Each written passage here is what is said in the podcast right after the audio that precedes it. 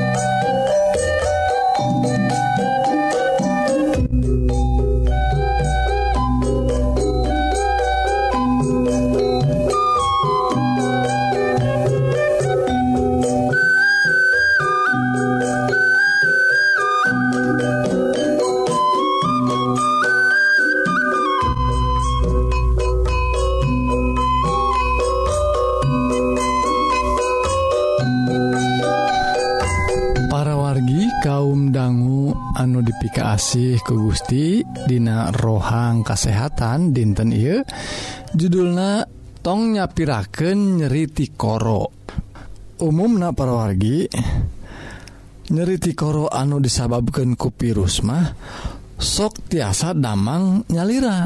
Ah tapi kan orang terterang nyeriti koro ieu teh kulantaran virus atau sanes tah gitu paroginya jantan anu disebat radang tikoro bisa wae dilantarankan ku ayana bakteri streptokokus tah naon eta teh parawarginya ya bakteri sanes virus.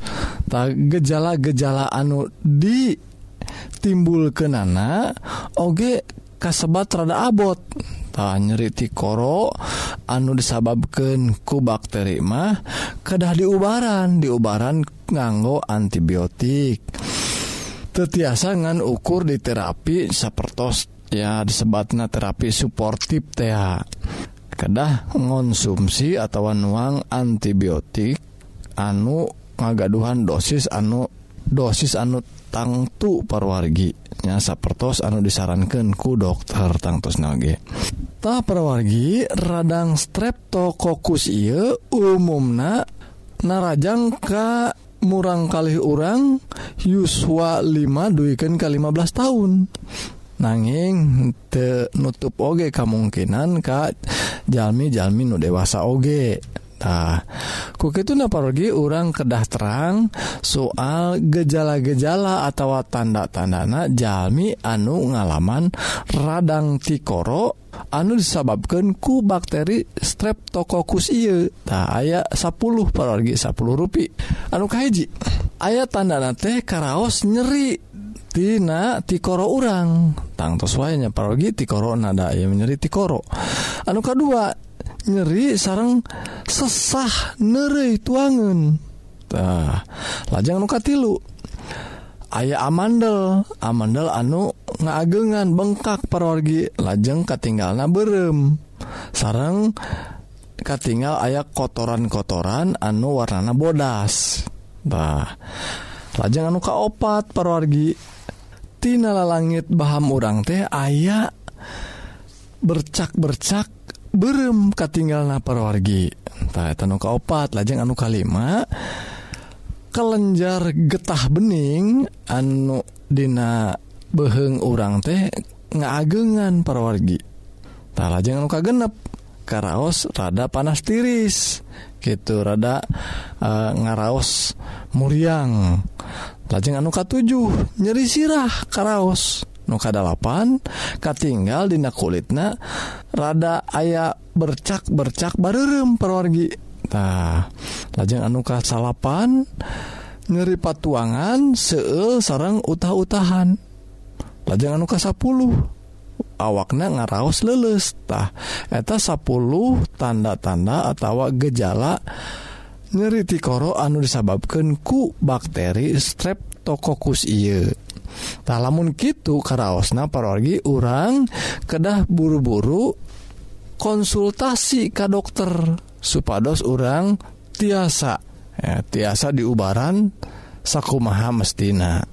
Tak parwargi tiasa wae panyawat atau nyeri tikoro model kia teh sok aya infeksi anu nyebar karena sinus karena getih karena kulit karena cepil karena amandel. Tapa nyawat anu sanes oge tiasa timbul kulantaran radang tikoro ieu teh. Kulantaran gitu pergi orang kedah taki-taki lamun ngaraos gejala I tiasa wae aya komplikasi karena radang ginjal. Gitu oge demam remak sauna teh. Lajeng demam remak ya oge tiasa narajang karena penyawat saraf sarang kulit. Gitu oge sendi sarang ginjal. Tah gening parorgi rupina nyeri tikoro kulantaran bakteri streptococcus teh bahaya parorgi ah ayaah istilah nyegah panyawate langkung sae tangtosnya dibandingkan mubaran takut itu naprogi ia pelajaran ngenaan tikoro atau nyeri tikoro iya kedah diperatosken ngenaan khususnya kabersihan diri urang kabersihan lingkungan urang. Supados bakteri streptokokus yete nular. bahwa orang nular ka Batur atau ti Batur ka urang tak sakit itu pergi pelajaran ngenaan nyeriti korok kulantaran bakteri streptokokus mugi-mugi iya rohang kesehatan jantan berkah kanggo kesehatan raga orang sadaya.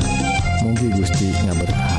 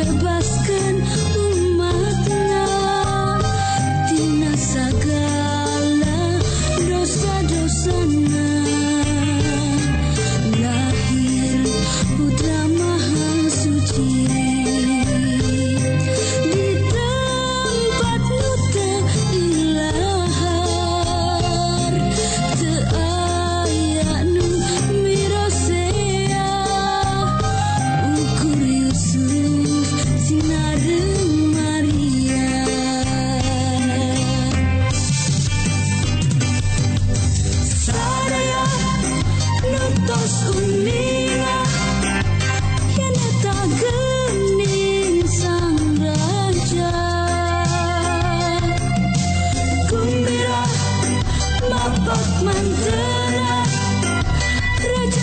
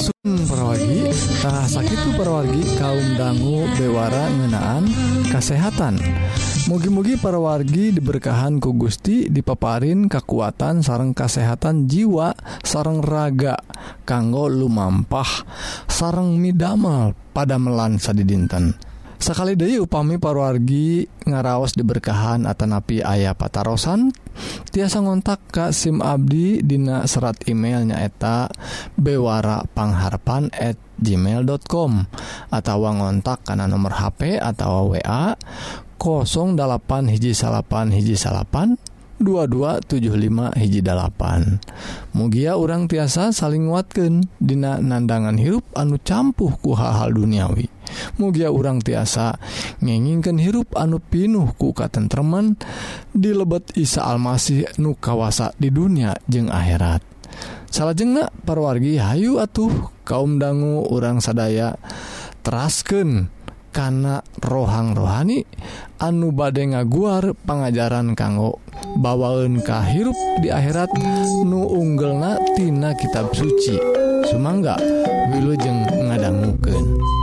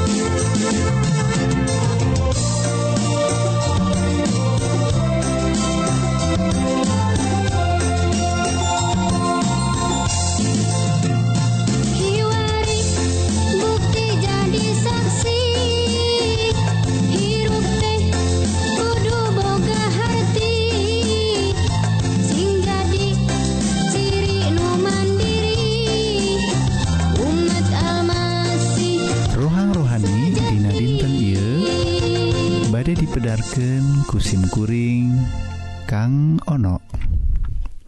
Anu judulna harta anu sajati.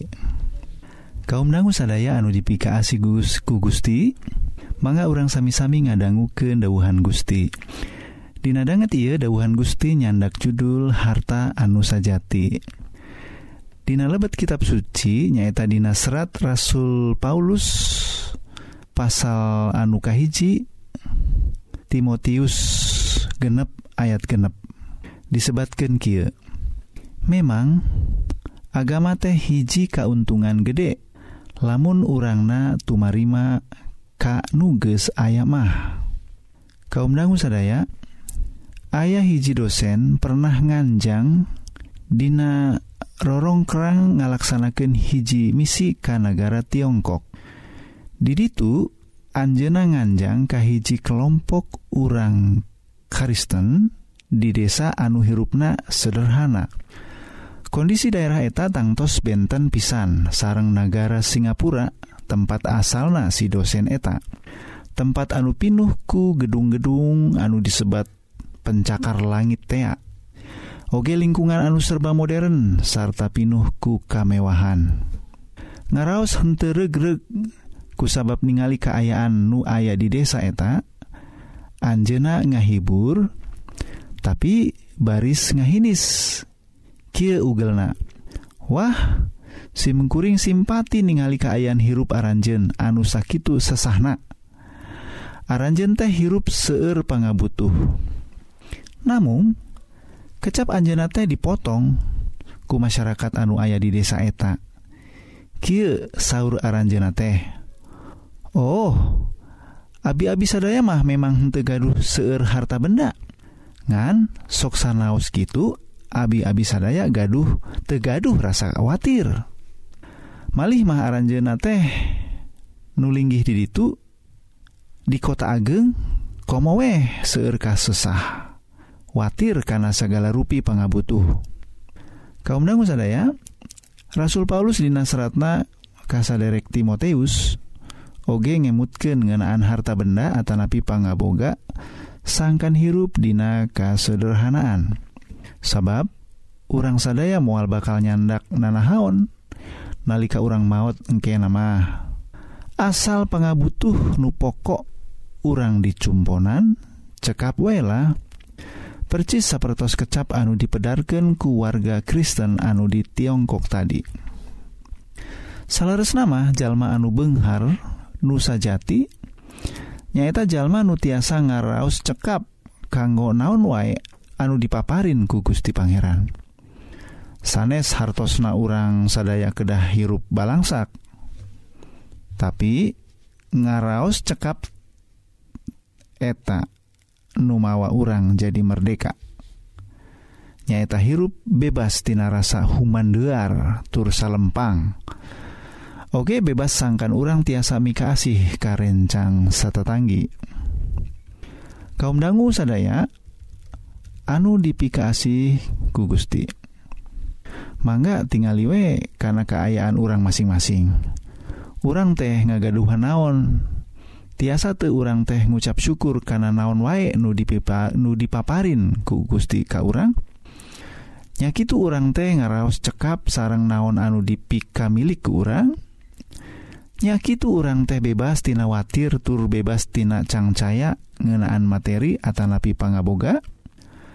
Percanten yen Gusti Pangeran bakal nyumponan pangabutuh urang masing-masing. Asal urang sadaya ngagaduhan iman sareng percanten ka Gusti Pangeran. Kaum dangu sadaya?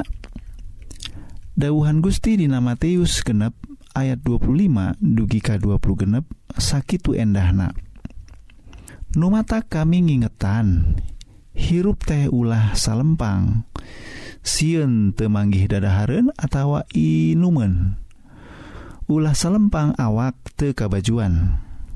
Hirup teh lain lewih tibatan daharun awak lewih penting tibatan papakaian awasken tuh manuk anuker hihibran tara pepelakan tara dibuat tara nyimpen gening kurama maraneh nu disawarga diurus.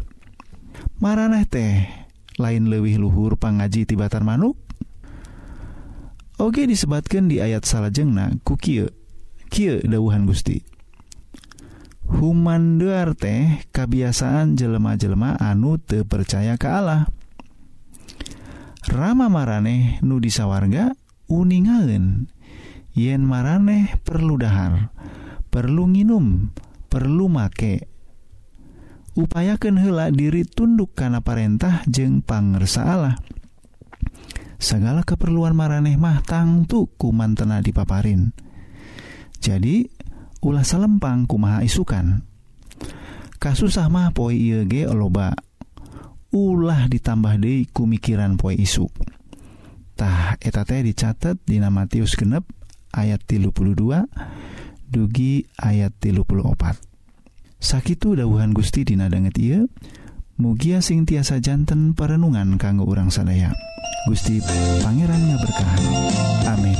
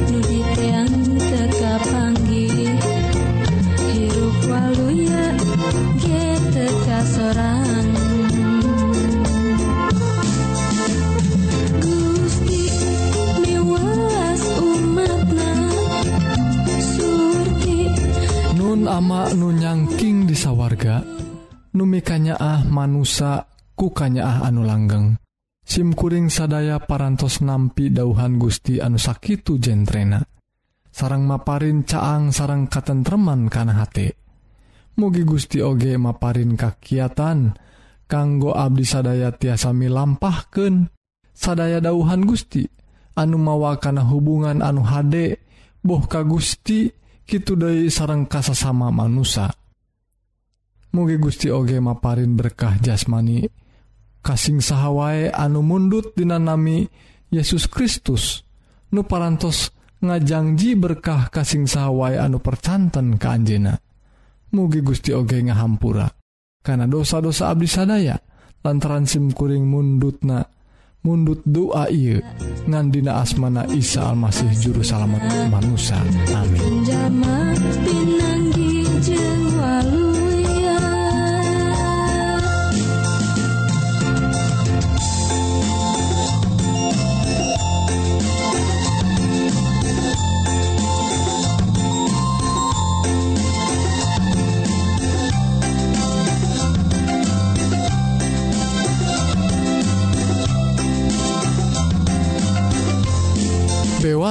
pangharapantah sakit para wargi bewara rohani dinten Iye mugi-mugi para wargi sadaya ngaraos diberkahan.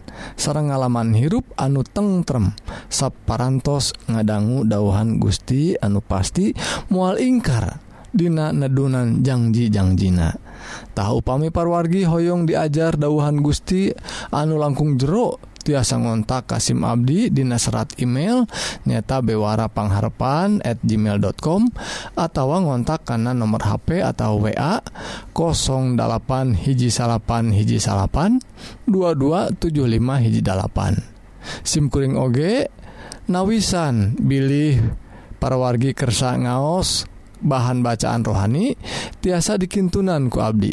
Syarat nama gampil ngan ngintunkan alamat anu lengkap ke nomor WA anu tadi 08 hiji salapan hiji salapan 2275 hiji dalapan atau alamat email bewarapangharapan at gmail.com Mugia para wargi tiasa saling nguatkan dina nandangan hirup anu campuhku hal-hal duniawi. Mugi urang tiasa ngeningken hirup anu pinuh ku katentreman di lebet Isa Almasih nu kawasa di dunia jeng di akhirat. Pidu Abdi mugia Gusti ngaberkahan ke urang sadaya. Amin.